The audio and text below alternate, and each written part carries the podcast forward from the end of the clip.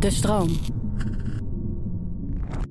We staan in een uh, prachtige wijk in Bussum. Mooi groen om ons heen. Je hoort de vogels. Maar dit is niet de Vogelspodcast. Ik ben op bezoek bij Jack Little. Alleen al hoe je zijn naam schrijft. Jack met D-J-A-C-K. Alles is wonderlijk aan deze man, maar alles is fascinerend. Ik kwam hem tegen op Instagram. Hij heeft de zwaarste militaire opleidingen ter wereld afgerond. Hij traint mensen om zich klaar te stomen voor dat soort opleidingen. En hij is expert op het gebied van slaap. Met soms wel vijf, zes uur diepe slaap per nacht. Dus uh, een leven vol routines met een fascinerend mens. Als jonge jongen had ik een soort van broken body, zeg ik wel eens. Ik had zwakke enkels, al ging ik hardlopen, dan verzwikte ik mijn enkel. Ik had astma, bronchitis, allergisch voor wol en stof, slechte ogen. Mensen in mijn omgeving zeiden van ja, dat wordt niks met jou. Dat is een mens zonder houvast in zijn manier van leven. En ieder heeft een handvat en eigen rituelen. Orde in je hoofd zodat alles te overzien is. We praten over routines. Dus ik stond zeg maar bij de deur, terwijl het team was dan binnen. En dan was het voor mij het doel om overzicht te bewaren met alle informatie die ik kreeg. Vanaf helikopters, snipers, omgevingswaarnemingsposten. van hoe ik mijn mensen zo veilig mogelijk door dat gebouw kon laten gaan. Uh, en die hadden alles bij zich, hè? bommen, granaten. Die konden deuren eruit knallen, eruit rammen, you name it. Um, en mijn doel was iedereen veilig terug en Capture Kill operatie succesvol. We praten over routines. Wij kwamen aan in de straat, jij stond al buiten. Ja. En ik zeg, uh, je, je, glundert en straalt al helemaal. En uh, heb je al getraind, vroeg ik. Toen zei jij. Toen zei ik, ja, zeker. Uh, al hard gelopen, getraind, geyoga stretched, gemediteerd. En eigenlijk was mijn dag al klaar. Dus heel de middag is voor hier voor lekker te kletsen. kletsen. Hoe uh, vroeg begin jij? Uh, mijn dag begint om half vijf ochtends. Ja, dan gaat het wekkertje. Uh, en eigenlijk eerlijk gezegd, vaak word ik voor mijn wekker al, uh, al wakker. Dus een paar minuutjes ervoor, omdat ik echt om half vijf wil opstaan. Dus het is niet dat het moet voor iets. Ehm, maar geheel vrijwillig kies ik daarvoor. En waarom? Ehm, omdat ik daar echt van geniet de rust, de stilte, s ochtends. En die tijd gebruik ik dan om op te starten. Rustig uh, de kleren aan te doen. Dan ga ik naar beneden. En dan begin ik eigenlijk met een half uurtje. Nou ja, noem het maar mediteren. Maar het is ook visualiseren. Hoe wil ik dat mijn dag eruit ziet. Ja, want we nemen daar eens in. Laten we het gewoon stap voor stap doen. Ja, nee, het is inderdaad al een stortvloed uh, waarbij ik uh, open. Um, hoe ziet dat eruit, die meditatie? Ja, hoe ziet dat eruit? Um, nou, ik, ik, ik, kom dus beneden en dan zet ik vaak de deuren uh, lekker open, dat ik gelijk het geluid van buiten hoor, de vogels en de frisse lucht uh, van buiten. Um, en ik heb hier zo'n zwart leren stoel uh, staan in mijn woonkamer. En daar ga ik lekker in zitten. En dan laat ik eigenlijk um, alle gedachten die ik heb, die laat ik binnenkomen. En dat is voor mij heel erg bepalend geworden op een gegeven moment. nou, daar gaan we straks vast wel dieper op in. Uh, maar vroeger was ik heel druk bezet en had ik allerlei dingen waar ik echt aan moest denken en wilde denken. En dingen die, die ik niet verkeerd wilde laten, uh, laten verlopen. Um, en tegenwoordig laat ik me heel erg leiden door, oké, wat voor gedachten heb ik vandaag? Hoe sta ik op? Wat houdt me bezig? En, en zo begin ik eigenlijk mijn, uh, mijn ochtend. En een, en een richting daarvan? Van, het kunnen zorgen zijn of, of juist dingen waar je heel erg naar uitkijkt? Um, nou, in, in het, in den, helemaal in het begin waren dat dingen die mij dan bezig hielden. Dat kan zijn aan, het, aan de onderkant, dat negatieve aspect zeg ik wel eens. Van, van zorgen of iets waar ik uh, ja, wil voorkomen dat het misgaat. Um, maar eigenlijk heb ik tegenwoordig zo'n live design gebouwd voor mezelf. Ik wil het echt zelf creëren, mijn dag. Uh, elke dag streef ik naar een perfect day, uh, zo noem ik dat ook. Um, om echt bewust te kiezen waar wil ik aan denken en hoe wil ik dat mijn dag verloopt. Wat brengt mij plezier? Uh, waar ga ik van genieten? En dat breng ik bewust in mijn dag. En dat kunnen hele kleine dingetjes zijn. En, en dat bepaal ik vaak vooraf. Dus s'avonds voordat ik ga slapen, dan kies ik bewust vier dingen. Waarvan ik zeg van nou, dat wil ik morgen in mijn dag terugzien. Um, en dat kunnen simpele dingen zijn. Dat kan bijvoorbeeld ook die, die ochtendroutine zijn. Dat ik zeg, nou, morgenochtend dan ga ik lekker uh, een, een, half uur echt uh, stretchen, dat lichaam voelen. Van hoe voelt mijn lichaam vandaag nadat ik gisteren eh, keihard mijn benen heb getraind. Eh, ben ik verzuurd? Waar, waar zit die pijn? Ehm, en dan maak ik een hele fijne connectie met dat lichaam. En dan kan ik bepalen van oké, vandaag ga ik weer een training doen. Wordt dat weer die benen? Om te kijken waar ligt mijn grens. Uh, maar wel heel, heel hè, bewust en met, met zelfzorg en zelfbehoud. Dus ik wil niks stuk maken. Maar om te kijken waar kan ik het pushen of heen brengen? Waar ligt de grens? Of ik zeg van nou die benen, dat was gisteren en dan vandaag doe ik bovenlichaam. En dat bepaal je dus de avond van tevoren? Ja. Dat is één van de dingen dan die je neemt, meeneemt in die gedachte eigenlijk. Ja. Dat schrijf je niet op of zo? Ja, nee, dat, tegenwoordig hoef ik dat niet meer op te schrijven. Dan kan ik dat gewoon eigenlijk mentaal in het hoofd uh, bedenken, zeg maar. Hè, dat je er even bij stilstaat. En dan kom je s ochtends beneden, deuren open, je gaat in die zwarte stoel zitten... en dan ja. laat je die gedachten van hoe wil ik dat deze dag eruit ziet... wat geeft me plezier, wat wil ik doen... Ja. Of andere gedachten komen voorbij. En dat duurt een half uur? Um, nou, dat, dat geef ik een half uur de tijd. Soms gaat het sneller. Dan is het op een gegeven moment uh, eigenlijk heel rustig al in mijn hoofd. Omdat ik dan precies al weet van nou, dit ga ik vandaag doen. Dus ik visualiseer ook hoe mijn, mijn dag uh, verloopt. Hoe ik graag wil dat die verloopt. Um, ik zeg ook wel eens no plan survives first contact. Hè? Dat kennen we allemaal wel. Je plant iets en het loopt totaal anders. Uh, maar dat ik, en juist daarvan, daar geniet ik enorm van. Van, goh, dat ik dat niet had kunnen anticiperen of voorzien. Dus, dus juist, uh, zeker ook vroeger in militaire dienst, toen had ik dat ook al.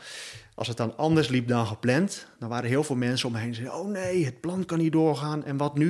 En ik zat alleen maar te genieten. Ik denk: geweldig, hoe krijgen we nu alsnog onszelf op de route om ons doel te bereiken? Is dat een karaktereigenschap?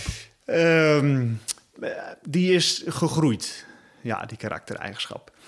En, um, en, en ja, karaktereigenschap, nou, nou je het zo vraagt. In het kort is dat, dat ik als jonge jongen um, had ik een soort van broken body, zeg ik wel eens. Ik had zwakke enkels, al ging ik hardlopen, dan verzwikte ik mijn enkel. Ik had astma, bronchitis, um, allergisch voor wol en stof. Ik had slechte ogen. En, en, mensen in mijn omgeving zeiden van ja, dat wordt niks met jou. En ik voelde zo'n ja, zo'n projectie op mij van hoezo dan? Ik was toen ongeveer 15 jaar, tiener. En, ik had het gevoel van hoezo dan? Ben ik nu 15 jaar en gedoemd om te mislukken? Wordt het nooit meer wat met mij? En in mij was een soort drive van, nou, ik zal wel eens even laten zien dat er wel degelijk nog wat kan gebeuren met uh, Jackie Little. Um, en, en het grappige is, uh, mijn vader was uh, oud marinier. En ik heb ook twee ooms die marinier en, en commando zijn geweest. Um, en op een gegeven moment kreeg het bewustzijn, het besef van... joh, dat is zo'n ongelooflijk grote uitdaging... want dan moet je zo'n fysiek sterk en ook mentaal persoon zijn... Um, laat ik eens kijken of ik dat zou kunnen halen. En van die broken boy uh, heb ik mezelf helemaal zelfstandig getraind en mentaal en fysiek opgewerkt. Dat ik aan al die eisen voldeed. En, en dan ben je 15 dus eigenlijk? Toen was ik 15. Toen dat... En weet je wat daar echt heel bijzonder aan vind? Is dat dat precies de leeftijd is dat je vaak juist gelooft wat anderen over je zeggen. Hè? En dat je meegaat in de verwachtingen van anderen of de oordelen en daar ja, toch wel vaak echt, echt doorbreekt. Ja. Maar als er iets in je zit wat dat aanwakkert, dan moet er nog steeds een eerste stap gezet worden. Wat was dat? Um, ja, dat is eigenlijk wel een hele mooie vraag. Um, voor mij zijn het een aantal uh, gebeurtenissen uh, die, die toen plaatsvinden bij elkaar. Um, en, dat, dat, zijn er misschien twee of drie. Nou goed, als we het erover hebben, dan, dan komen we wel tot, tot, tot, wat tot wat het nou misschien specifiek was. Um, maar van mijn vader leerde ik heel erg discipline en volharding in als je iets kiest, dan ga je ervoor.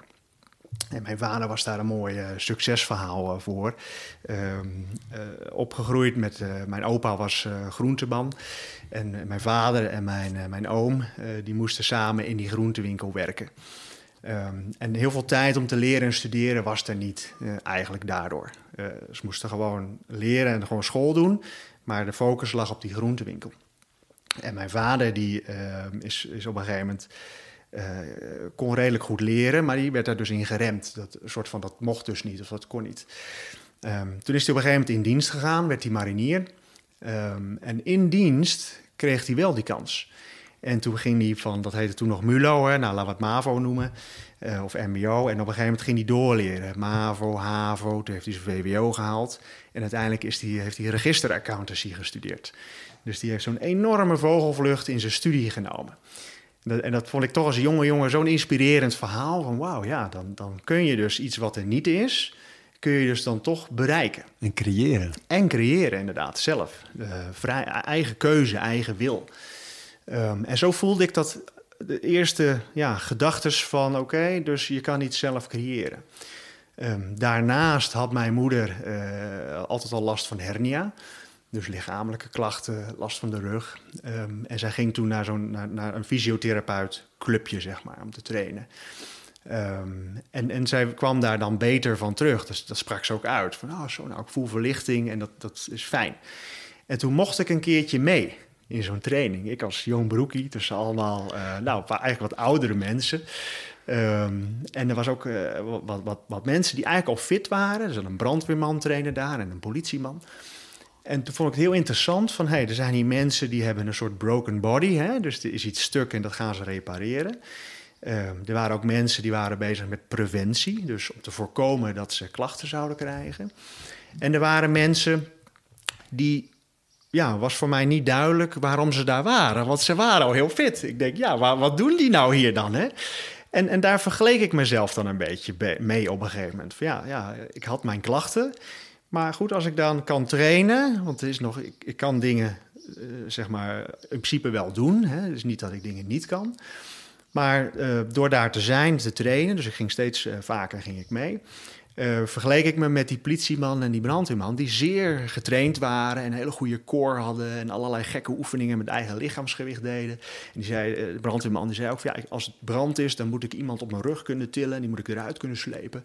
Dus die was allemaal vreemde trainingen aan het doen. Ik, ik was al opgegroeid met het beeld van Arnold Schwarzenegger en Rambo en heel klassieke bodybuilding-trainingsmethoden. Dus, dus dat heeft me altijd al geïntrigeerd. En, en dat is ook zo'n zo'n zo'n zaadje wat geplant werd bij mij van oké, okay, je kan dus ervoor kiezen als iets goed is, goed is, dat je dat dan nog meer kan verbeteren. Ja, dus dat, dat vond, ik, uh, vond ik heel mooi. En op welk moment dacht jij, want je ziet er nu echt uit als zoals je je voorstelt dat iemand die een leven als militair heeft en andere opleidt eruit ziet. Hè? Ja. Uh, kale kop, uh, hele grote borstkas, grote armen, sterk, frisse blik. Ja. Maar op welk moment dacht jij zelf, jongens, dit, ik kan dit, dit gaat gebeuren? Um, dat heeft best nog wel een tijdje geduurd. Want het enige wat ik destijds had, en, en dat waren eind jaren negentig, wij zijn van die generatie. Dus heel veel internetvoorbeelden met, met, met video's en, en dingen was er niet. Nee. Um, dat was zoeken voor ons. Het was heel erg zoeken. Het was heel erg zoeken. Dus ik had wat kennis in de omgeving en ik hoorde alleen maar, tegenwoordig noem ik dat afgestompte verhalen. Alleen maar van, ja, je moet heel hard kunnen rennen en oneindig kunnen opdrukken. En, en er zat nergens een grens op. Ik had geen idee van, ja, hoe, hoe dan? In het begin kon ik ook nog maar, ik kon niet eens een push-up. Dus ik moest ook trainen om mijn eerste push-up te doen. En ik had last van mijn polsen, dus mijn handen deden. Ik dacht, oh mijn god, dit, dit wordt nooit wat. Um, dus het was een soort van, van, van stil doel in mijn achterhoofd. Van als ik nou ooit heel ver kom, dan word ik misschien ooit die, die marinier. Als ik dan die selectie-eisen zou kunnen halen. Um, en toen ben ik gewoon gaan trainen. En dat is een beetje ook het startpunt van, van routines. Dat ik gewoon zorgde dat elke dag dat ik iets deed. Elke dag iets doen. Dus iets, iets aan sport, iets aan uh, conditie.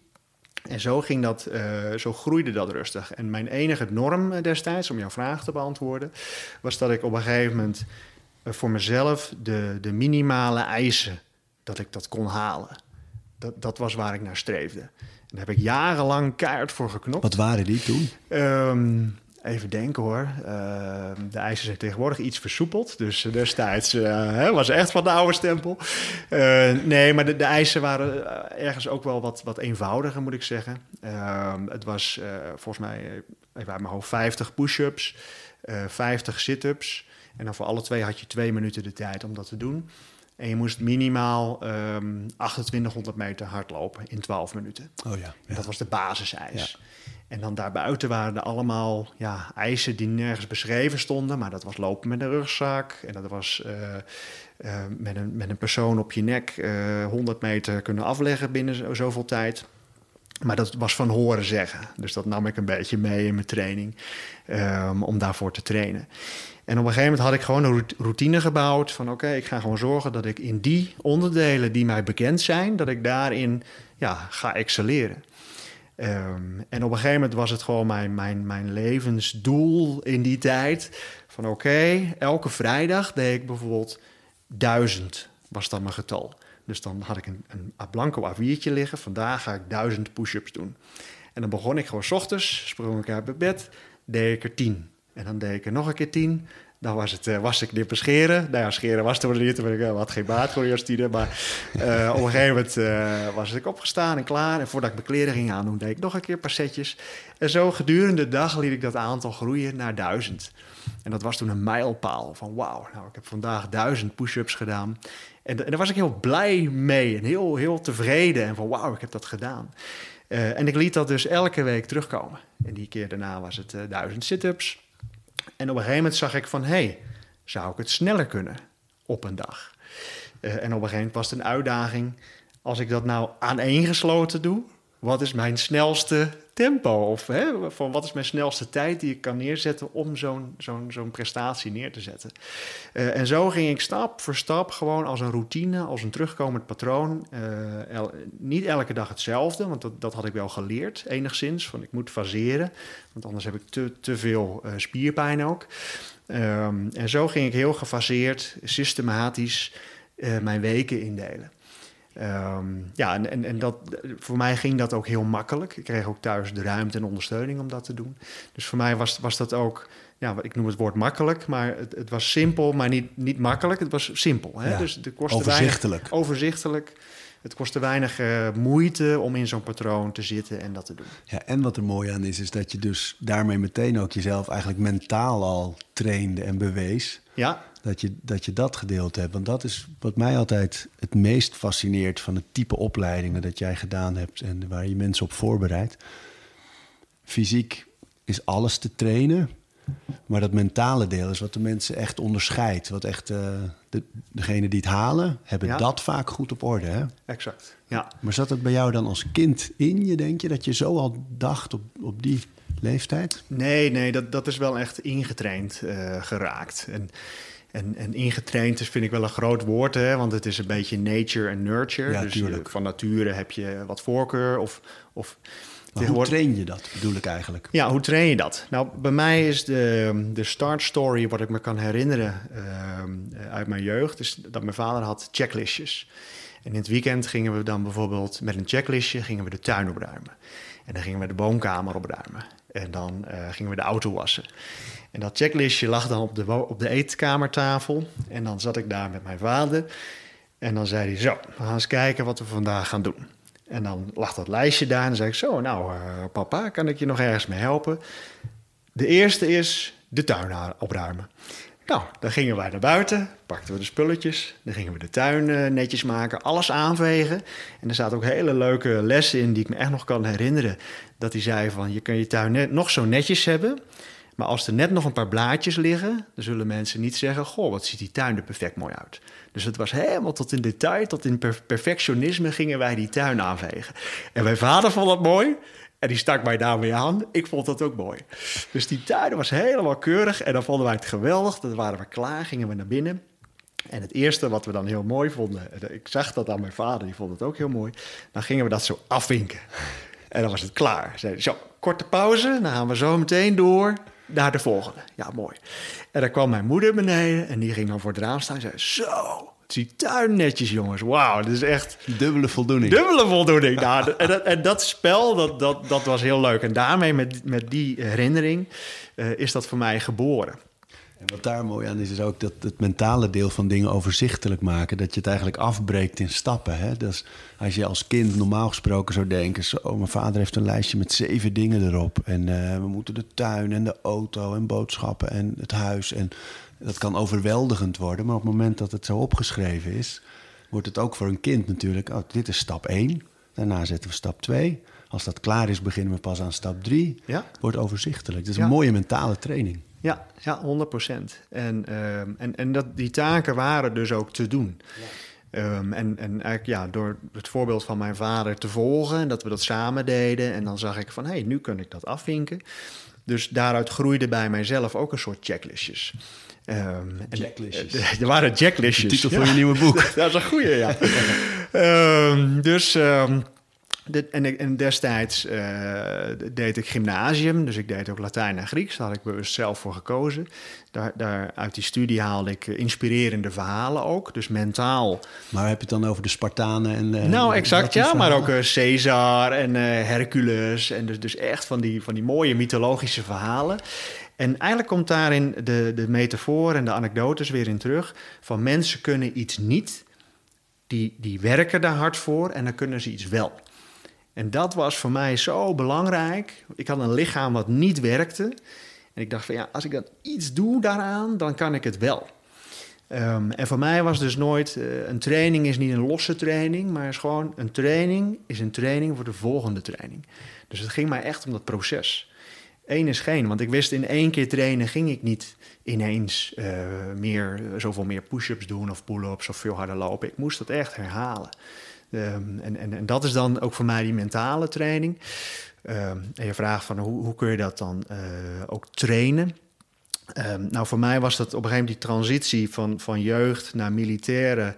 Mijn eerste opleiding was de mariniersopleiding. en daarin leerde ik heel strak van oké, het is resultaatgericht. Dus ik, ik moet ook trainen naar een, een resultaat toe. maar ik moet mezelf ook heel houden. En het gaat dus niet alleen om de inzet tijdens de prestatie van het doen, maar ook het hele spel daaromheen. Rusten, herstellen, recovery, slaap, goed eten en dan, hup, volgende dag gebeurt zoiets weer. Dus voor mij was dat uh, stukje mentale training, had ik gelukkig al heel erg gehad in mijn jeugd.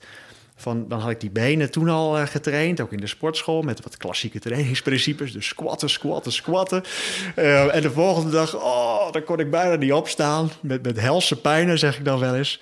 En tegenwoordig zeg ik alsof ik aangereden was door een trein. Echt, dat je denkt, oh, onmenselijk dit. En dan dacht ik, hoe kom ik hier in hemelsnaam weer doorheen? En dan had ik gewoon een dag school. Hè? Dus als tiener. Waar je naartoe um, moest fietsen Waar ik naartoe moest fietsen, ja. Door in weer en wind. Um, maar, en dan schreef ik op in een boekje toen al... van oké, okay, beentraining, hoe ging dat? Dan schreef ik na die training op, training ging goed, ging lekker, makkelijk, mentaal, sterk, uh, voelde me goed. En dan de vo volgende ochtend schreef ik op, hoe voel ik me nu? en dan was dat echt, nou ja, soms van, ah, nou ja, ik kan niet meer lopen. Ik loop rustig de trap af. Oeh, ik gleed bijna van de trap af. Ik moet vasthouden aan de, de handrail van de trap. Wat nu heel veel geadviseerd wordt. Hè? Topsporters bijvoorbeeld in die, in die wielerploegen en zo worden ook die dagboeken bijhouden. Inderdaad, hoe voel je voor een training of hoe voel je na, voor en na een etappe. Ja. Uh, maar vooral ook over de emoties erbij. En... Uh, dat, maar dat deed jij toen al dus? Dat deed ik toen al. Ja, had ik gewoon zelf verzonnen. Want dat heeft nooit iemand waarom? mij... Ja, waarom? Um, dat, dat kwam een beetje voort uit, uit die, die checklistjes. Dat ik iets opschreef wat mij daar dan aan herinnerde. Maar, maar je wist dus ook al dat, dat het gevoel wat je ergens aan overhoudt... een katalysator kan zijn, beide kanten op. Ja, ja. Um, ja, als ik daar zo over nadenk... Ik heb daar nooit specifiek over nagedacht. Maar nu je dat zo noemt... Um, in die klassieke vorming die ik kreeg op de middelbare school, daar, daar wordt dat enorm belicht. Want het waren verhalen van filosofen. Stoïcijnen. Stoïcijnen, de filosofen, uh, van, van Senecus uh, tot Plato, tot you name it, Socrates natuurlijk. Um, en en, en ik, ik weet zeker dat ik dat daarvan heb meegekregen.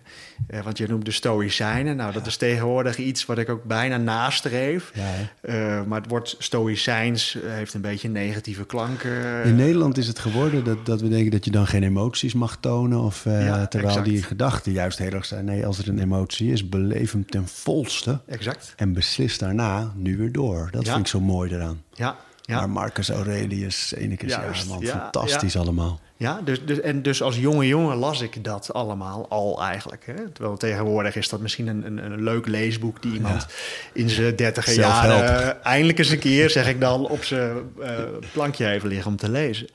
Um, maar, maar ik weet zeker dat dat daar vandaan kwam. Want um, ja, uh, ze zeggen ook wel eens van mensen, jongeren uit een militair gezin, die worden daardoor beïnvloed. En zeker die, die wereld waar ik in stapte, die echte macho-cultuur.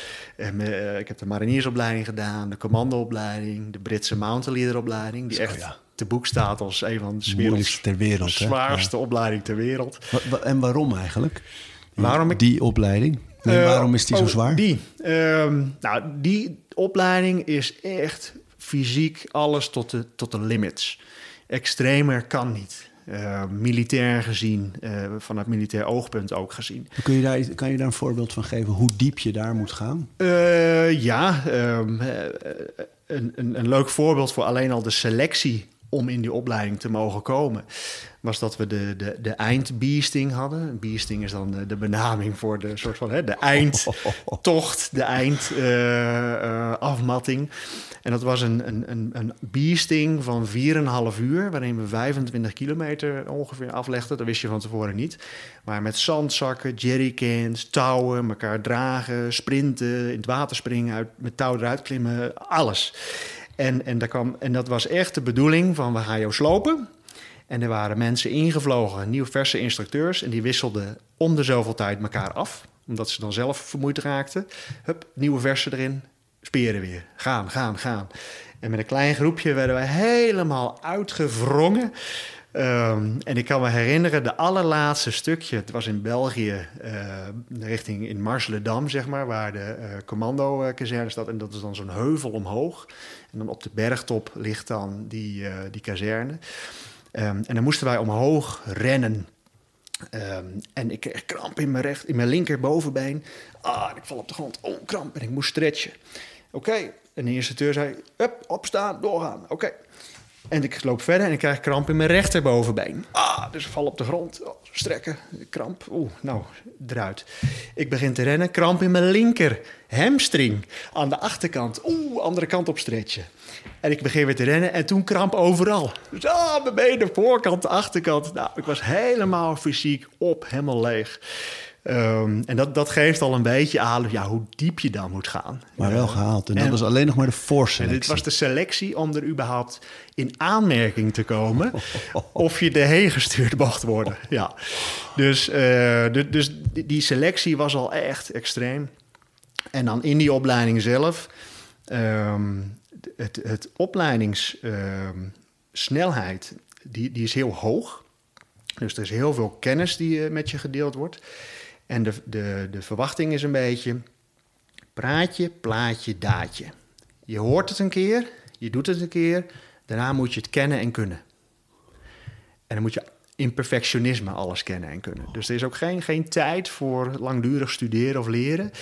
En als de kennis in de groep wordt gegooid, af en toe de instructeurs doen het dan bewust, moet je dat meteen delen met elkaar. En dat moet je meteen eigen maken en in 100% dezelfde taal kunnen reproduceren. Dus, dus mentaal moet je ontzettend alert zijn en scherp. En je moet helemaal aanstaan en alle signalen om je heen meepakken. Wat doe je uh, daarvoor om, om die staat, in die staat te opereren? Um, nou, voor mij was dat ergens al een beetje gewoonte geworden. Want ik had daarvoor de mariniersopleiding gedaan en de commandoopleiding. En ik was daar in de mariniersopleiding, was ik ergens uh, daarmee bezig. Want ik was al geïnspireerd door wat, wat, wat andere collega's, ook in het instructiekader die mountain leader al waren. En dan zag ik dat die op zo'n ongelooflijk hoog fysiek niveau zaten. En zo, zo scherp en alert en intellectueel en, en zo zuiver alles en duidelijk alles konden vertellen. Je wist altijd precies wat je moest doen. En dan ging je dat zelf proberen te vertellen. En dacht je, jee, wat maak ik er een rommeltje van. En dat vond ik verschrikkelijk. Uh, want ik wilde dat. En dan dacht ik wel, die anekdote van mijn vader met die tuin. Ja, het moet perfect zijn. Dan oh shit, ik wilde ook uh, zo kunnen. Dus in die mariniersopleiding had ik soms al het idee, na zo'n hele heftige spiepmars die we dan met de hele groep deden, van zou ik nog een rondje kunnen nu? Terwijl iedereen zat uh, uit te rusten en uh, uit te hijgen van zo, we hebben het weer gehaald jongens. Uh, straks even les het leslokaal, even uit te rusten, even bijkomen. En ik dacht, nou, zou ik dan nu nog een rondje kunnen? Oeh, wordt wel pittig, maar misschien wel. dus ik, mentaal maakte ik mezelf al sterker. achteraf, hè, dit was eigenlijk een beetje onbewust. Um, maar ik vond het mooi om daar op die manier mee bezig te zijn. En dat alerten en dat kunnen herhalen, dat is toch ook heel erg uh, gevoel voor wat is de essentie en welke taal gebruik ik daarvoor. Ja. Is, dat, Is dat te leren? Ehm, ik denk dat dat uiteindelijk wel, wel te leren is. Want het is met, met een soort focus dat je iets, iets tot je neemt. De duidelijkheid van principes om dat over te brengen. In het begin las ik best wel veel eigenlijk onduidelijke handleidingen. Dus, dus de manier waarop iemand het vertelde en aan mij uitlegde, dat was al niet, niet heel strak. Dus ja, hoe, hoe neem je dat dan mee? En dan probeer je dat te herhalen. Maar dan is het voorbeeld eigenlijk al niet heel, heel goed, zeg maar, of niet heel zuiver. En, en naarmate ik steeds verder kwam en ook mijn, ervaring, uh, mijn ervaringsopbouw werd groter en mijn kennis van militaire principes werd groter en ik had voorbeelden en echte doorleefde ervaringen van, van zo draaien militaire operaties. En als er dan iemand kwam die had alleen maar boekjes bestudeerd en die ging dan ons vertellen hoe wij zo'n militaire operatie uh, moesten draaien, nou, dan had, dan had ik daar wel een woordje voor terug. In, maar ik, echt, bedoelde dat in positieve zin. Van nou, jij zegt nu dit, maar in de praktijk kom ik dit tegen. En dit is de taal, en dit is het gevoel, en dit is de sfeer, en, en dit is de focus. En hier let ik op. En, en dat waren soms wezenlijk verschillende dingen dan wat er in de studieboekjes beschreven was. Door mensen die daar gewoon over nagedacht hadden. Dus het is eigenlijk gewoon een opeenhoping van ervaringen, inzichten, lessen, al die dingen die je. Ja. En je zei er was nog een vierde opleiding. Ja, uh, nog zwaarder? nog zwaarder. Daarna ben ik dus de Special Forces uh, ingedoken. Ja. En ik zat dan in de internationale teams. Dus niet de Nederlandse antiterreur, maar altijd met de internationale teams uh, op pad geweest. Het niveau hoger? Uh, nou ja, het, het, is hetzelfde werk, maar in een internationaal spectrum. Dus, dus zelf zeg ik altijd van nou, we, we zijn allemaal in de basis hetzelfde opgeleid. Alleen uh, de een paste toe echt in Nederland met, met antiterreur. Dus veel, veel meer kleine gebouwen in Nederland met, met compacte ja, ja. Uh, training in huizen. En wij zaten meer in het open terrein, in buitenland. En dat je veel meer de omgeving moest leren kennen. En ik vond Mag je mooi. daar eigenlijk over vertellen, over dat soort missies? Um, nou ja, de, de, de missies die ik gedaan heb zijn inmiddels ook gedateerd van tien jaar terug. Um, dus, uh, nou ja, niet alles trouwens, maar goed, daar, daar komen we langzaam aan. Uh, dus ik kan daar uh, ook wel dingen over delen inmiddels. En, dat, en, ik heb ook een aantal verhalen al die ik meegeef aan jongeren om ze te inspireren. Van romantiseer bijvoorbeeld niet alleen maar dat militaire wereldje. Dat je daar bloemetjes gaat uitdelen en iedereen gaat knuffelen. Uh, wat ook een onderdeel kan zijn, hè, met, met de bevolking contact maken. Maar het is ook zeker die andere, wat, wat donkere, duistere kant. Dat jij echt de vijand gaat uitschakelen. En het is jij of ik. En die keuze is heel simpel. Want ik sta op en ik wandel. En die ander dan misschien wel niet. Hoe dus, is dat om, als je daarover kan vertellen, om in zo'n moment te moeten beslissen en het te doen? Uh, ja, voor mijzelf heb ik nooit echt in real time in zo'n situatie gezeten. Omdat ik altijd, uh, ik was officier, ik was leidinggevend, dus ik stuurde het aan. Um, maar ik kon het wel daarop laten aankomen en op aansturen. Dus ik stond zeg maar uh, bij de deur, terwijl het team was dan binnen. En dan was het voor mij het doel om overzicht te bewaren met alle informatie die ik kreeg. Van, vanaf helikopters, snipers, omgevingswaarnemingsposten. Uh, van hoe ik mijn mensen zo veilig mogelijk door dat gebouw kon laten gaan. Uh, en die hadden alles bij zich, hè? bommen, granaten, die konden deuren eruit knallen, eruit rammen, you name it. Um, en mijn doel was iedereen veilig terug en capture kill operatie succesvol. Um, en, en, en dat brengt eigenlijk voor mij, bracht het wel heel veel extra spanning haast mee. Ik zou haast zeggen, in de trainingen ging ik vaak mee in die teams.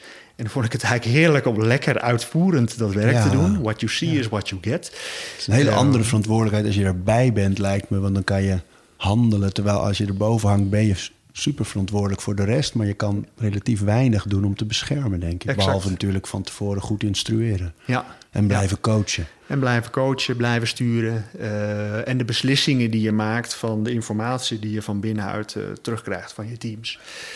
Ja. En in welke gebieden ben je zoal geweest? Afghanistan um, volgens Ja, mij? voor mij is het uh, Afghanistan en Afrika geweest.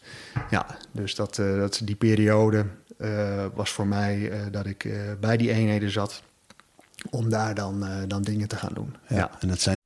Deze aflevering van Overroutines wordt aangeboden door Squarespace. Een alles-in-één platform waar je je eigen website kunt bouwen en beheren.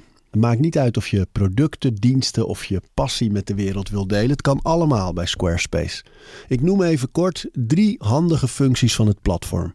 Met het ontwerpsysteem kan je makkelijk je website vormgeven en het helemaal eigen maken.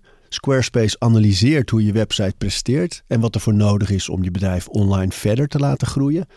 En ook kan je abonnementen en exclusieve content aanbieden aan betalende leden. Start nu je gratis proefperiode via squarespace.com/overroutines. En ben je klaar om je website echt te lanceren? Gebruik dan de code overroutines. Dan krijg je 10% korting op je eerste aankoop van een website of domein. De dingen die niet meteen in de krant komen, meestal voor die eenheid. Hè? Exact, ja, ja. Nee, dat komt niet, uh, niet snel in de krant. En uh, uh, intern weet men natuurlijk, hè, als je gaat kijken van wat is dat grote plaatje, politiek gezien is iedereen geïnformeerd. Uh, maar daar zit een, een, bepaalde geheimhoudingsclausule omheen. Uh, omdat ja, als je alles gaat, gaat noemen wat er gebeurt... Dan Don't jeopardize the mission. Ja, dan, dan kan je de missie inderdaad uh, daarmee in gevaar brengen. En mensen kunnen daar e extreem wat van vinden zonder de context te kennen. Ja. En, en dat vond ik altijd heel belangrijk in dat werk. Dat, dat men die, die, die, ja, dat voor onszelf ook die context duidelijk was van waarom doen we dit, waarom zijn we hier, dit is de missie en, en, en dit is ons kleine uh, specifieke doel, target wat we daar gaan doen. Is dat leven wat je er als kind van verwachtte? Um, ja, moeilijk om te zeggen. Um, eigenlijk niet. Eigenlijk niet. Als kind had ik veel meer uh, een beetje het romantische beeld wel van oké, okay, reizen, avontuur, met een, met een team opgewerkt worden en dan gezamenlijk dingen doen. Um, en, ja, laten we niet vergeten, destijds was mijn beeldvorming een beetje actiefilms. Hè? Dus dat zag er allemaal geweldig uit. En de actieheld liep altijd levend, uh, liep hij de film weer uit.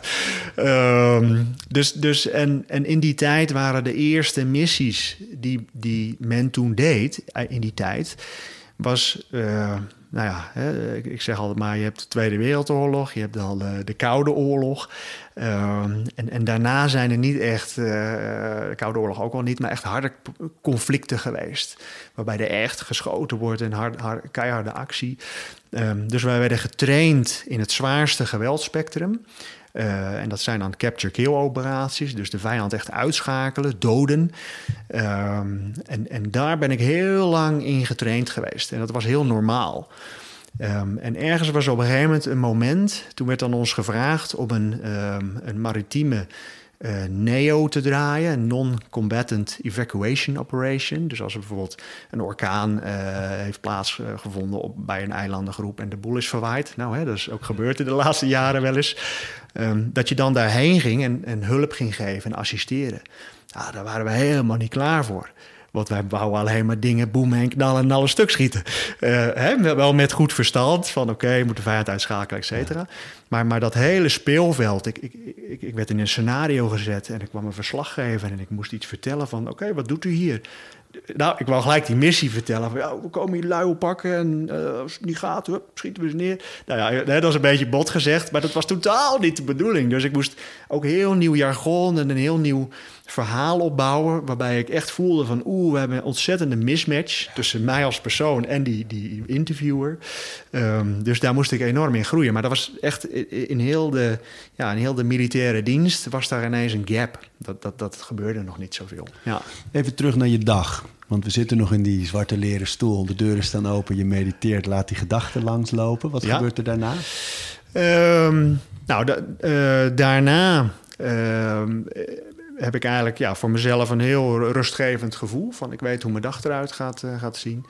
En daarna heb ik eigenlijk een soort routine ontwikkeld. Is inmiddels echt een, een gewoonte. Van een soort yoga-stretch routine. Elke nou, keer dezelfde. Uh, nou, we hebben door de week vijf dagen, zeg ik wel eens. Dus ik heb voor vijf dagen een verschillende uh, routine ontwikkeld. Zodat ik niet elke dag precies dezelfde dingen doe. Uh, vaak begin ik wel met dezelfde drie oefeningen. en dat is een lekkere stretch voor de hamstrings. Uh, dan eigenlijk uh, op mijn knieën zitten om uh, nou ja, de heupen en de bovenbenen zeg maar los, los te maken. Um, en daarna is er een variant van een, de, de pigeon of de blaster. Ik weet niet of je ja, een beetje ja, bekend mee bent, maar de, het zijn maar de namen om nou ja, de liezen en de heupen en de hamstrings los te maken. Ben je eigenlijk voor je op de grond legt, gebogen met de knieën, de knie op de grond en de voet op de grond. Precies. En dan een beetje in gaat hangen. En dat in gaat hangen, ja. En, en al die poses zijn eigenlijk gravity poses. Dus ik laat de zwaartekracht op mijn lichaam drukken, als het ware. Maar in de ochtend dus. dus In de ochtend, ja. En dan, eh, want dan ben je niet warm natuurlijk, of wat dan ook, dat maakt niet uit. Nee, dat maakt niet uit. Ehm, heel soms, als ik wat, wat, wat, wat stramme spieren heb, als ik echt dat voel. Ik moet eerlijk zeggen, tegenwoordig heb ik bijna geen spierpijn meer. Omdat ik ben echt op zoek naar workouts die mij dan echt extreem prikkelen. Waarvan ik weer eindelijk in godsnaam weer spierpijn kan hebben. Ehm, maar goed, dat is even een heel ander verhaal. Ehm, en, en, en, en dan, ja, dan heb ik gewoon een korte warming-up routine van wat eh, uitstappen naar voren en weer terug. Ehm, en, en dat doe ik dan een minuutje en dan is het Beetje bewegen. Beetje bewegen. Achter het stretchen aan. Ja, En ik weet dat jij al twintig jaar koud doucht. ja, ja dat onderhand wel. Ehm, nee, dan is dat nog niet daarna. er zit nog wat Eh, tussen. Dus er zit nog wat tussen. Eh, dan heb ik dus eh, gestretched. En dan eh, daarna ga ik in principe nog een workout doen eerst. Ehm, en dat kan dan zijn, eh, wat ik, ik afgelopen tijd bijna negen maanden aaneengesloten, elke ochtend 10 kilometer hard gelopen. Ehm, en ik vond dat heerlijk. Het was gewoon een uurtje dribbelen van mij en dan eh, mijn dag gedachten laten gaan. En dat lopen gaat vanzelf. Dus die 10 kilometer is niet eens een issue. Hier lekker op de hei in Bussum. ja, lekker op de, de hei, door de natuur, in de natuur. Ehm, dus na die stretch, dan is het bewegen, actief. Dat kan ook zijn in de tuin. Of ik heb eh, met een eh, vriend eh, train ik dan eh, in de ochtend. Die gaat ook vroeg eruit. Ehm, en dan is het een, gewoon een workout om het lichaam lekker te bewegen. En dan daarna is het van de workout terugkomen. Ehm, en dan is het douchen. En, Koud. en dan is het altijd koud eindigen sowieso.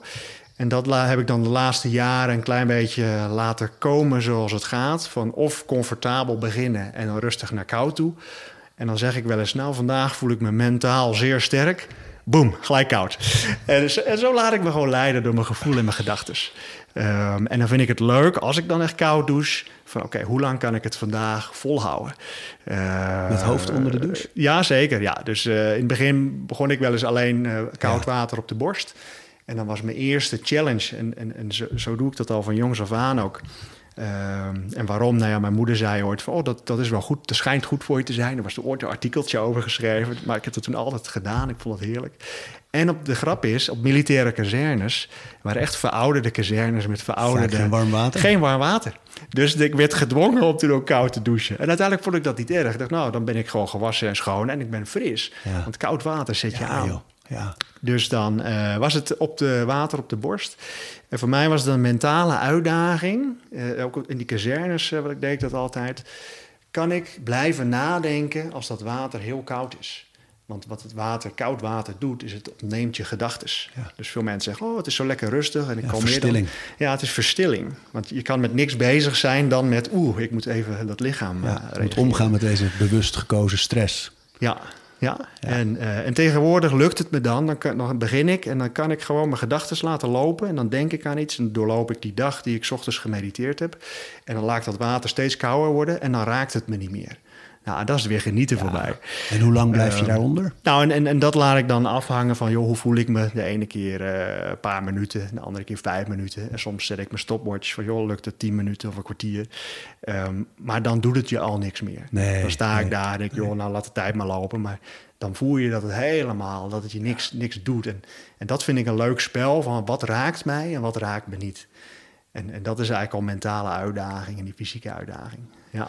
En ehm, de redenen wetenschappelijk hè, voor bloedsomloop, voor weerstand, eh, immuunsysteem, ehm, je huid. Dat is allemaal voordelen natuurlijk. Het bewust opzoeken van stress en daar rustig doorheen te ademen.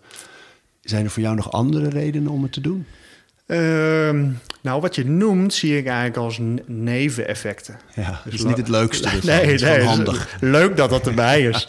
Eh, ik zeg ook wel eens van, ik train niet per se voor een mooi lichaam of zo. Hè. Veel is een gevolg, dat doel. is een gevolg. Dat is Ja, voor mij voor, voor een bijeffect.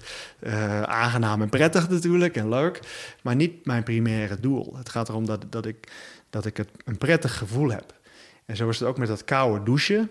Eh, voor mij, op een gegeven moment is dat echt, echt gekomen... dat ik alles uit mijn dag wilde halen. En ook zeker in die militaire opleidingen. Dat je 's ochtends zo suf wakker werd... door de fysieke prikkels en je moest herstellen en spierpijn en je voelde je on- ellendig en je, de hele dag buiten in de regen moest je dingen doen. Ehm, en dan onder die, die, die douche had je even een momentje voor jezelf en door koud te douchen, dan stond mijn hersenpan gelijk, pam, Ja. stond hij aan. Schitterend. Ah, dat was geweldig. En, en, en dat vond ik het belangrijkste effect. En daar geniet ik dan van. Dat als ik dan zo'n koude douche heb genomen... dan begin ik soms de dag nog wel eens... eh, nou ja, een beetje nou ja, hè, suffig, laten we het zo maar noemen. Je komt uit bed en dan moet je even een beetje wakker Kost je worden. moeite om te zeggen, hè? Dat het toch nog wel af en toe een beetje suffig beetje, kan beetje zijn. zo, tuurlijk. Hè. Ik zeg, niets menselijks is ons vreemd. Maar wanneer die koude douche geweest is... dan weet ik gewoon, oké, laat maar komen. Vandaag is de dag, ga alles weer eh, doen wat ik wil en uh, hoppakee. En, en daarvoor zat die workout en dan noemde je vooral beweging. Hè? Zit er op een ander moment kracht of zit dat in die workout voor die koude? Ehm, nou, in principe, eh, ik, ik kies dan altijd wat mijn focus is. Omdat ik niet alles tegelijk kan. Ik heb dat, was vorig jaar ook zeker een uitdaging voor mij om extreem in de conditie te gaan. Met uren hardlopen achter elkaar. Eh, en extreem krachttraining te doen tegelijkertijd. Gewoon om te testen. Men zegt dat het niet kan. Dan zeg ik, nou, laat maar eens even kijken of dat dan niet kan. Hè? Uh, maar ik moest er echt mijn hele leven op inrichten dan. En en het lukte wel. Ik boekte bij alle twee progressie. Maar je loopt ergens tegen je plateaus aan. Ja. En, en toen merkte ik gewoon, oké, ik moet kiezen en een accent leggen. Um, en dat vind ik dus leuk. En dan kies ik ervoor van, nou, dit kwartaal... ik werk graag met periodes van, van ongeveer drie maanden... Um, dan leg ik de aandacht op conditie. Nou, en dan doe ik die workout in de ochtend. En dan uh, smiddags, uh, voordat ik ga lunchen eigenlijk, doe ik dan de andere workout. Dus is het 's ochtends hardlopen, doe ik voor de lunch een krachttraining. En dat hoeft maar kort, een half uurtje is voldoende. Uh, dus dat kan 's ochtends een half uurtje trainen zijn en voor de lunch een half uurtje. En dat is mijn bare minimum. Uh, en soms heb ik wel eens een uitschieter. Dan denk ik, nou, vandaag ga ik hem goed raken. en dan doe ik double sessions van een uur of soms twee uur. Laatst had ik een weekend, had ik bijna zes uur getraind. Wat heb je toen getraind? Ehm, en, ja, Alles. En, en, dat vind ik heerlijk. Dus, dus op die manier pak ik dat aan. Ja. En dan is de middag voor je werk, Defensie Fit, je programma. Um, nou, als je het dan daarover hebt. Gaat die glunder hoor. Ja, dat is weer, weer spullen. Maar Um, he heel vroeg um, in mijn ondernemersreis. Um, ja, want je bent op een gegeven moment gestopt met het professioneel militair leven exact. om te kiezen voor Defensie Fit, waarin je mensen opleidt voor de trainingen eigenlijk. Hè? Klaarstoomt voor de trainingen. Ja, dus ik, klaar, ik stoom ze klaar voor de, eerst de keuring, zodat ze de keuring halen, dus de minimale eisen. En als ze dat gehaald hebben, of ze hebben dat op een voldoende niveau, beheersen ze dat. Uh, dan bereid ik ze voor op de opleiding. En is dat alleen voor mensen die inderdaad het traject in willen gaan, of kunnen burgers er ook aan meedoen? Uh, nou, dat was altijd heel select alleen voor de mensen die naar Defensie toe willen. En inmiddels is dat al breder gegroeid. Dus ik heb mensen die uh, ja, vanuit allerlei keuzes gewoon fit willen, willen worden die mijn verhaal een beetje kennen. Van ja, ik had vroeger een, een broken body, noem ik het uh, dan maar. Uh, dus vanuit. Uh, en nu iets... ben ik van graniet. En nu ben ik Want van ik graniet. Kijken, je, je, praat net als ik veel met je armen en gaat steeds een soort zonsverduistering komt er omhoog hangen. Enorme armen, man. Ja, ja. Dus ze zeiden wel eens. Ja, die onderarmen. Die, die, die Popeye. dus ja, die tangen Zo. zeiden wij. Ja, man. Um, dus, uh, dus ja, mensen vanuit uh, allerlei disciplines die dan komen trainen. Mooi. Dus tegenwoordig Ja. is dat verbreed. En, En dat is nu je werk. Je hebt Defensie Fit, die opleidingen eigenlijk, of klaarstomen. Programma's zijn het echt. ja, Je, je boeken geef je uit. Inmiddels vier? uh, drie. En drie, vierde vier komt eraan. Ja. ja. En, en dan heb je af en toe dat je mensen begeleidt. Want dat is één ding waar ik heel graag vandaag met je over wilde hebben. En Ivo, mijn collega ook. Want die begon de ochtend net met... eh, ik heb vannacht niet zo goed geslapen. Toen zei ik, ah, Ah, let maar eens even goed op. Want ik volg Jack Little op, eh, op Instagram en, en zie met argusogen dat jij, weet je, ik meet het ook, mijn slaap. ja, En eh, wij hebben drie kinderen, een baby, nog, nog, nog net geen één. ja. Jongetje van drie en een meisje van vijf. En ze zijn allemaal nog wel eens wakker, de baby sowieso een paar keer. En als ik tussen de twee en de drie uur diepe slaap heb van de 8 à 9 uur dat ik in bed lig, ben ik heel blij. Heel blij. Is vaak één of twee. Ja. En dan kijk ik op jouw Instagram en dan zie ik jouw Porsche toch wel een beetje. Ja. Eh, met vijf uur, zes uur. Ik zag zelfs een keer zes uur, der, zes uur vijftig volgens mij. 56, bijna, Bijna, de 7 uur. bijna zeven Ja, uur diepe dat- slaap. Ja, Hoe? hoe dan? Ja. Ja, nou, stap 1. Het is niet van de een op de andere dag Nee, nee, te nee, halen. nee, Ehm, maar voor mij is dat echt een, een, een bewust iets geweest dat ik daarin wilde excelleren in slaap. Hoe gek dat ook klinkt, hè? Want eh, mensen die ik spreek van ja, hoezo dan? We gaan toch gewoon s'avonds slapen en is klaar. Ik zeg nee, nee. Nee, die tijd is lang vervlogen. Ja, ik zeg dat is een procesje. En ehm, voor mij is het een, een, een verhaal van de pijn van slapen, waarmee het bij mij begonnen is. Eh zal ik heel kort even, even noemen, want hè, je wilt natuurlijk weten van hoe dan. Ehm, maar voor mij kwam eerst de pijn ergens vandaan van... eh, ik had een jeugd met goed slapen, gewoon normaal, gewoon geen gekke dingen. Een keertje weekendje stappen, wat langer eh, en dan la- uitslapen en dan was je weer klaar voor de week. Toen ging ik in militaire dienst. Daar kreeg ik te maken met gebroken nachten. S'nachts wachtlopen en hè, de militaire disciplines. En soms reverse sleeping cycle. Dus s'nachts werken, overdag rusten. Ehm, en toen ging ik op een gegeven moment eh nou, die Britse Mountain Leader in, opleiding in en bij de Special Forces. En daar was het echt ook reversed sleeping cycles voor weken. Ehm, gebroken eh, nachten eh, was gewoon standaard. En dan moest je zelf gewoon overheen komen, want je moest wel inzetbaar blijven. Dus zorg ervoor dat dat, dat dan gebeurt. En er waren wel handvatten voor, maar niet zo heel veel. Dus, dus men ging er gewoon vanuit, als je deze slaaproutine en, en, en wakkerroutine volgt, dan komt dat wel goed. Dat heb ik toch wel anders ervaren, want ik was ergens ook op een gegeven moment echt een perfectionist. Dus ik ging langer door en daardoor pakte ik weer minder slaap. Had ik echt een slaaptekort. Veel te korte nachten. En op liep ik echt rond als, als een zombie aan het eind van zo'n training. En dan was die gelukkig voorbij. en was alles goed gegaan. Dan dacht ik, oké, nou nu moet ik dan echt herstellen. Maar dat was niet een, een houdbaar systeem.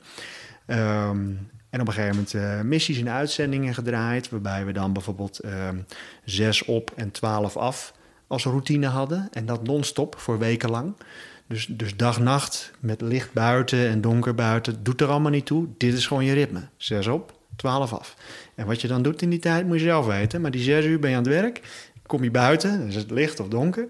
Ehm, en dan, dan moet je iets doen eh, ja, om te rusten, te ontspannen, te eten. Trainen zat er voor mij altijd bij en al. En dan na twaalf uur, dan ging je weer op post en dan ging je weer zes uur lang eh, je werk doen.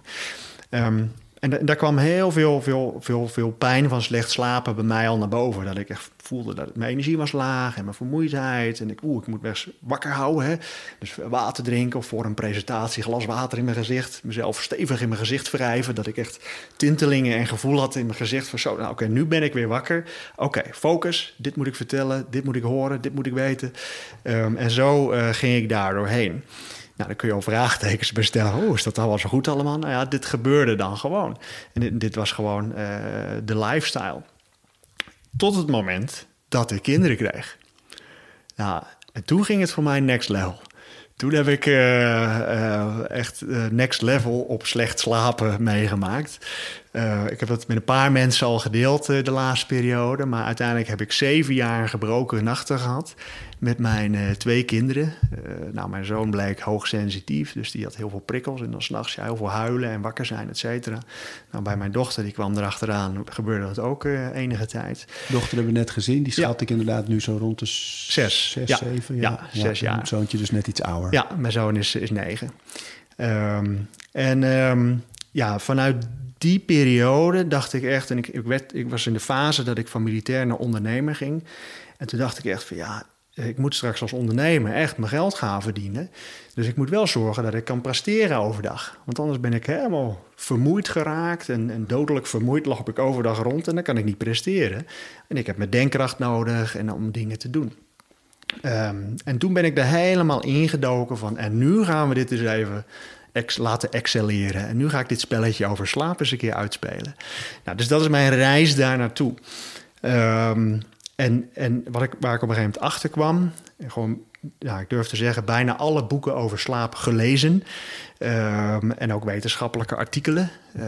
Ik kwam erachter dat het vooral veel gaat over de, de, gevallen waarbij gewoon slaap afwijking eh, er is. Dus iets lukt niet en dan analyseren ze dat. Maar nooit echt praktische handvatten van hoe ga je nou goede slaap verbeteren. laten we daar eens mee beginnen. Het is altijd gewoon van nou, als je niet goed slaapt, zijn er een paar tips en verbeter dat en dan zal het wel goed komen. Gaat vaak over temperatuur, gaat vaak over licht-donker, gaat vaak over wat je vlak voordat je gaat slapen nog doet. Um, zijn er nog andere? In grote lijnen. In grote lijnen, een beetje Matthew Walker, Isbrand van der Werf. Ja. Allemaal de, de boeken noemen die dingen, maar jij gaat veel dieper nog. Ja, ik, ik noem het eigenlijk in twee stappen. Interne factoren vanuit jezelf en externe factoren die invloed hebben op jou. En de interne factoren is hoe jouw brein nog druk is, dus je gedachtes en misschien je gevoelens. En die gevoelens zijn al een koppeling naar lichaam. Dus het is uh, lichaam en uh, geest. Nou, de geest, lichaam en geest klinkt een beetje zweverig, maar graag zeg ik zelf body en mind. Dat klinkt al beter. Um, maar als je je body en je mind, dat wil je eigenlijk s'avonds tot rust brengen. Um, want wat gebeurt er eigenlijk in die slaap, is jouw brein gaat alle indrukken van de dag verwerken als primair uh, proces om jou te beschermen, zodat je een betere overlevingskans hebt voor de volgende dag. Even echt heel primitief gezegd. Um, dus op een gegeven moment dacht ik van, nou, ik heb zelf de, de anekdote op een gegeven moment maar verzonnen.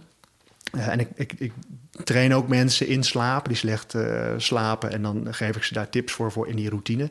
En de, deze anekdote blijft goed hangen. Um, is eigenlijk overdag heb je een voetbalveld in je hoofd. En s ochtends begint hij in principe blanco. Ja? Tijdens je slaap heb je alles opgeruimd. Uh, het veld is leeg. De, in, in, in de doelen uh, liggen de balletjes waarmee je speelt. Uh, en het spel speelt overdag. Klaar. En overdag schop je zelf balletjes op het veld. er komen andere mensen of er gebeuren dingen. Dat zijn balletjes op het veld. Die worden erop geschoten door anderen. En s'avonds als je dan gaat slapen... Als jij zelf niet die balletjes opruimt, dan ga je dus slapen. En dan in je slaap gaat jouw brein die balletjes verzamelen. En die gaat ze dan voor, de doel klaar, voor het doel klaarleggen. En dan worden ze in die doelen geschopt. En dan s ochtends is het veld weer leeg. Wat nou als jij s'avonds heel bewust dat voetbalveld opruimt voordat je gaat slapen? Dus uh, wat ik dan dus doe, uh, ik kies elke dag vier dingen waar ik bewust voor kies en wat ik in mijn dag wil hebben.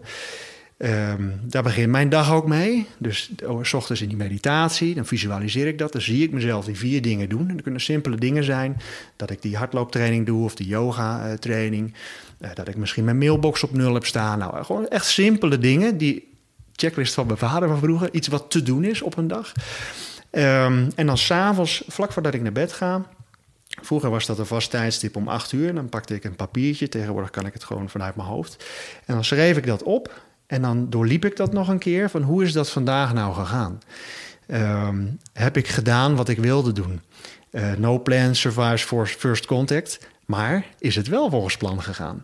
En zo niet, wat ging er dan mis? En zo leer ik al van mijn indrukken van de dag. En dan uh, vervolgens heb ik die vier punten doorgenomen. En daarmee ruim ik al eigenlijk al die balletjes, verzamel ik al. En ik noem dat dan zo dat ik ze eigenlijk al klaarleg voor het voetbaldoel. Ik kan ze er niet in duwen, bewust, als ik nog wakker ben. Maar dat moet echt in mijn slaap gebeuren. En als ik dan in mijn bed ga liggen. Um, daar komen we zo wel even specifiek op, op lichaamsontspanning. Maar dan is mijn geest eigenlijk helemaal ontspannen. Mijn dag is al geëvalueerd. En het enige waar ik dan nog aan denk, morgen. Welke vier dingen ga ik morgen doen? Waar ik weer plezier uit haal en waar ik naar uitkijk. Dan denk ik daar nog aan en daarmee val ik in slaap. En, en, en die lichaamsontspanning? Ja, en de lichaamsontspanning is dat als ik uh, s'avonds, uh, overdag bouw je stress op hè, in je lichaam, je beweegt of je, er gebeurt van alles. Mentaal werk kan ook heel zwaar zijn, waardoor je ook stof in je lichaam aanmaakt, wat, wat, wat jou activeert, waardoor je verhoogde hartslag kan krijgen. En dan s'avonds, uh, nou voor mij is inmiddels een half uur van tevoren is voldoende. Ehm, maar breng je lichaam nou eens bewust tot rust. Um, en als ik echt een drukke dag heb, dan neem ik nog een, een, rustige, comfortabele, warme douche. Niet heet, want dan activeer ik weer lichaamsprocessen. Dan gaan mijn lichaam zweten. En dat wil ik juist niet.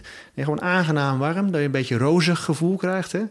En dan, um, dan ga ik op mijn bed liggen. En dan ontspan ik heel bewust eh, het lichaam. En dan in mijn hoofd, ik heb daar zo'n leuke mentale training voor, ontspan ik dan mijn, voeten, mijn enkels, mijn kuiten. En dan maak ik mezelf heel zwaar eigenlijk. Dat je echt voelt van, oh, ik ben helemaal ontspannen. Ja, dat je jezelf echt in het matras voelt drukken. Ja, juist, ja. ja. Of op het gras. Waar heel, ja, waar, waar je ook ligt. Um, en dan helemaal zwaar. En dan daarna visualiseer ik dat ik heel licht word. Dan zeg ik, oké, okay, nou, in de lucht alsof ik boven mijn bed zweef. En het grappige is, ik heb wel eens meegemaakt, had ik mezelf heel zwaar gemaakt. En toen uh, piepte mijn horloge, die had naast me, die wou ik pakken, maar ik moest echt mijn armen weer activeren om weer mijn horloge te pakken. Want ik was echt. Dus ik dacht, wow, dit werkt echt. Ik, ik heb dus echt mijn lichaam zo ontspannen gekregen. Dat gewoon die, die, die hartslag gaat omlaag. En, en het doel is dus in je slaap uh, staan alleen nog maar je primaire functies aan. Um, en in je slaap uh, heb je niet al die spierspanning nodig. Um, en als ik dat dus niet doe, dan ga ik dus slapen. En in die slaap moet mijn lichaam nog heel hard werken om die stress weg te werken. Om die spieren te ontspannen. Van ontspan je nou eens, laat die buik nou eens los. Uh, en, en dan op een gegeven moment heeft je lichaam in die slaap heel hard moeten werken om dat te bereiken. Nou, als ik dus nu die twee dingen combineer, mijn geest is helemaal tot rust. Dat lichaam is volledig ontspannen. Het moment dat ik wegval en ik slaapval, dan zie ik ook op mijn klokje tegenwoordig, hè, waarmee ik mijn slaap dan meet, dan schiet ik meteen in die diepe slaap. En dan ben ik daar al. En dan hoef ik niet al die processen door, dat het lichaam uh, moet ontspannen en die geest moet ontspannen nog, dat het in de slaap gebeurt. En dan als, dat, als ik dat dus allemaal niet doe, en met name in het verleden, dan bleef ik heel lang nog in die lichte slaap en dan had ik een beetje diepe slaap. En die fases daarna... Sluimeren, rem. Sluimeren, ja, sluimeren, rem. rem. Na rem wakker worden nog. Veel ja. mensen worden ook wakker nog. Ja, had ik soms ook zeven, acht keer in de nacht als je Ja. het allemaal kijkt. Allerlaatste vraag. Het recept van je groene smoothie. Recept van de groene smoothie. Ik noem het de green bullet als ik hem altijd zie. Maar het- Juist, ja. jij ja. drinkt elke dag die groene smoothie. Ja. Wat ja. zit erin? Wat zit erin? Eh, als je wil en tijd nog hebt, gaan we hem zo maken. Dan eh, kun je het recept ook eh, nuttigen. Gaan we doen. Gaan we doen. Gaan we doen. Nee, wat zit daarin? Ehm, de keuze is voor jezelf voor water eh, of melk. Nou, zelf vind ik geen probleem om melk te drinken, dus ik gooi daar een beetje melk in. Ehm, dan zit daar spinazie in. Ehm, naast, en dat is echt 150, 200 gram spinazie. Dus ik hoor mensen wel eens van, huh, dat past helemaal niet. Nee, het is inderdaad even proppen. Eh, dus dat gaat er dan, eh, dan in. Eh, een banaan sowieso. En dan voeg ik daar eigenlijk seizoensfruit aan toe. Aardbeien of blauwe bessen of een appel. Dus dat kan eigen keuze zijn, net wat je in huis hebt. Ehm, ik gooi er ook altijd wat zaden bij. eh chiazaad, lijnzaad, hennepzaad. Ehm, en eh, even kijken, mis ik dan nog iets? Nee, en dat is het. Ja. En dan blender ik dat en, het- en dat is echt volle map. Dus je hebt echt een liter eh, groene smoothie eh, maak ik dan. En je hebt Ehm, alles al binnen, hè? en, en dat is dan ook je ijzers, je Ja. magnesium zit erin, je Ja. groene bladgroente, lekker. bladgroenten. En, en, en, Lekker, man. en dat is dan ook het eerste wat ik neem op een dag. Hè? Dus ik word dan wakker, ik draai die ochtendroutine. En Ja. het eerste wat ik in mijn machine gooi, hè? zo is mijn benadering ook, eh, wat ik, waarvan ik wil dat mijn lichaam energie krijgt, is deze groente en fruit. Deze, deze boost eh, van eh, vitamine en mineralen. Ja, en dan eh, neem ik die hele liter eh, als ontbijt. En, eh, en zo begint mijn dag. Elke dag. Eh, en ik zei het toevallig al, we hadden even contact voordat je aankwam. Van, ja, Ja. Ik, ik ben echt al... Jaren niet verkouden jaren geweest. niet verkouden. Eh, Koud douchen, elke dag die smoothie, veel bewegen en Juist. zin in het leven. Zin in het leven, met intentie leven. en, eh, Oh, man. en gaan. Je bent een fenomeen, Jack. Dankjewel. Fantastisch. Top. We praten over routines. Dankjewel voor het luisteren. En voordat je weer doorgaat naar andere dingen, wil ik je nog even wijzen op Over Inspiratie. Dat is het mailtje dat ik elke donderdag rondstuur met drie tips. Dingen waar ik zelf veel aan gehad heb. Het kunnen producten zijn, artikelen die ik gevonden heb online, onderzoeken, eh, Instagram-accounts, podcasts, boeken, van alles eigenlijk. En ik denk dat je daar zelf ook veel aan kunt hebben. Dus vind je het leuk om dat mailtje elke week te ontvangen? Dan kun je je opgeven op ariboomsma.nl onderaan de pagina. Dan krijg je voortaan elke donderdag in je mailbox over inspiratie.